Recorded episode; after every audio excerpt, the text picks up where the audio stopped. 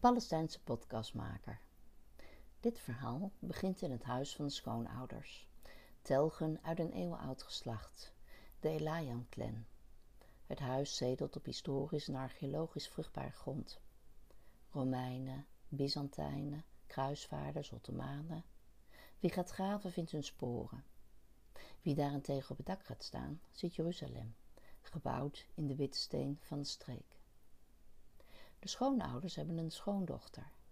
Die vrouw, laten we haar Christel noemen, stak de Middellandse Zee over uit liefde voor hun zoon. De zee vormde overigens niet de enige barrière tussen de geliefden. Er was ook een grens, ooit met groene pen op een kaart gezet en sindsdien talloze malen opnieuw getrokken.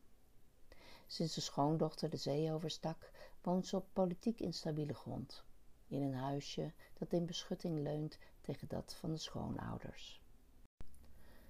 Niet ver van het huis ligt de grens die de nazaten van de aartsvader Abraham en Sarah in 1948 trokken, toen ze het dorp van de schoonouders binnenvielen en de westkant bezetten.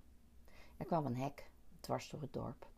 Een kleine twintig jaar later verdween het hek weer toen het hele dorp onder Israëlische bezetting kwam. De eeuwenoude olijfgaarden en de grazende schapen maakten plaats voor de nederzettingen van de Israëli's, Gilo en Jivat en Matos.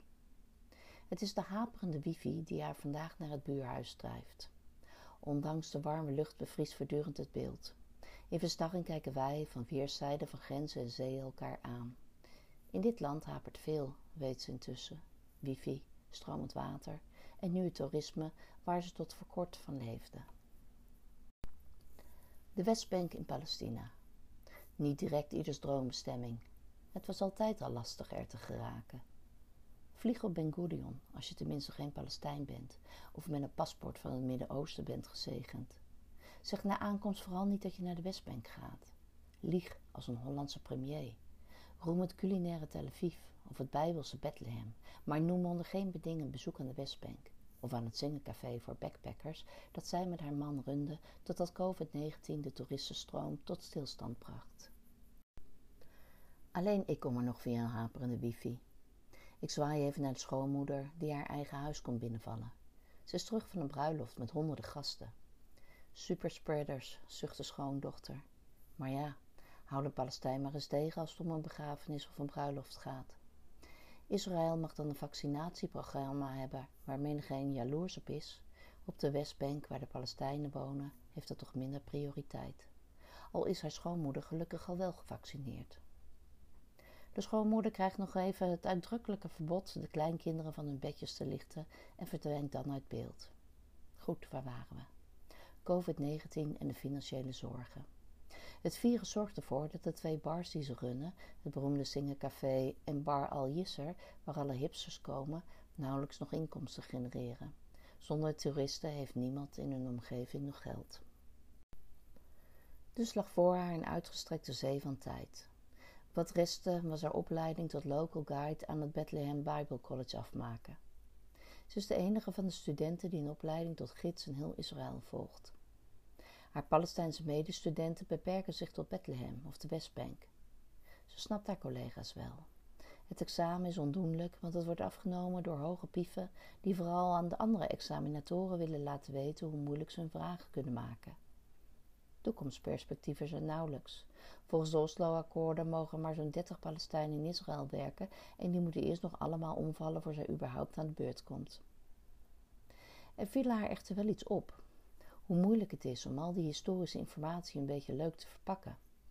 Haar medestudenten bezaten wel de complexe historische en archeologische kennis van het gebied, maar vergaten soms dat de gemiddelde toerist geen idee heeft van wie of wat de mamlukken zijn. Hoe bed je zoiets in? Ze dacht erover na. In Nederland was ze immers geschoold als geschiedenisdocent. Ze begon korte clips op te nemen over de dingen die ze tegenkwam, alsof ze het aan toeristen vertelde. Over de profeet of Jonas en ja, ook de mamlukken kwamen voorbij. En toen ontdekte ze de podcast. Ze luisterde en luisterde en dacht: dit wil ik ook. En zo ontstond Stories from Palestine. Aanvankelijk sprak ze zelf alles in, afgewisseld met wat zang en muziek, en toen dacht ze: nee, ik laat Palestijnen aan het woord. Mensen die inspirerende verhalen kunnen vertellen. Voor toeristen die ooit wel weer zullen komen, maar ook voor de Palestijnen met heimwee die elders wonen. En het grappige is, die Palestijnen hangen nu aan de lippen van de Nederlandse die ze haar fijn vertelt hoe het zit in hun land. Inmiddels heeft ze haar eerste opdrachten binnen. Voor Pax voor Vrede maakt ze een podcast over het begeleiden van kinderen door checkpoints. De klaarovers van de ingewikkelde Israëlische realiteit, zeg maar. En één over het Palestinian Center for Peace and Democracy, hoe ze Palestijnse jongeren stimuleren mee te doen aan de verkiezingen. En het loopt goed. Nu de inkomsten nog. Dus mocht je genieten van haar podcast, trakteer haar om een falafel.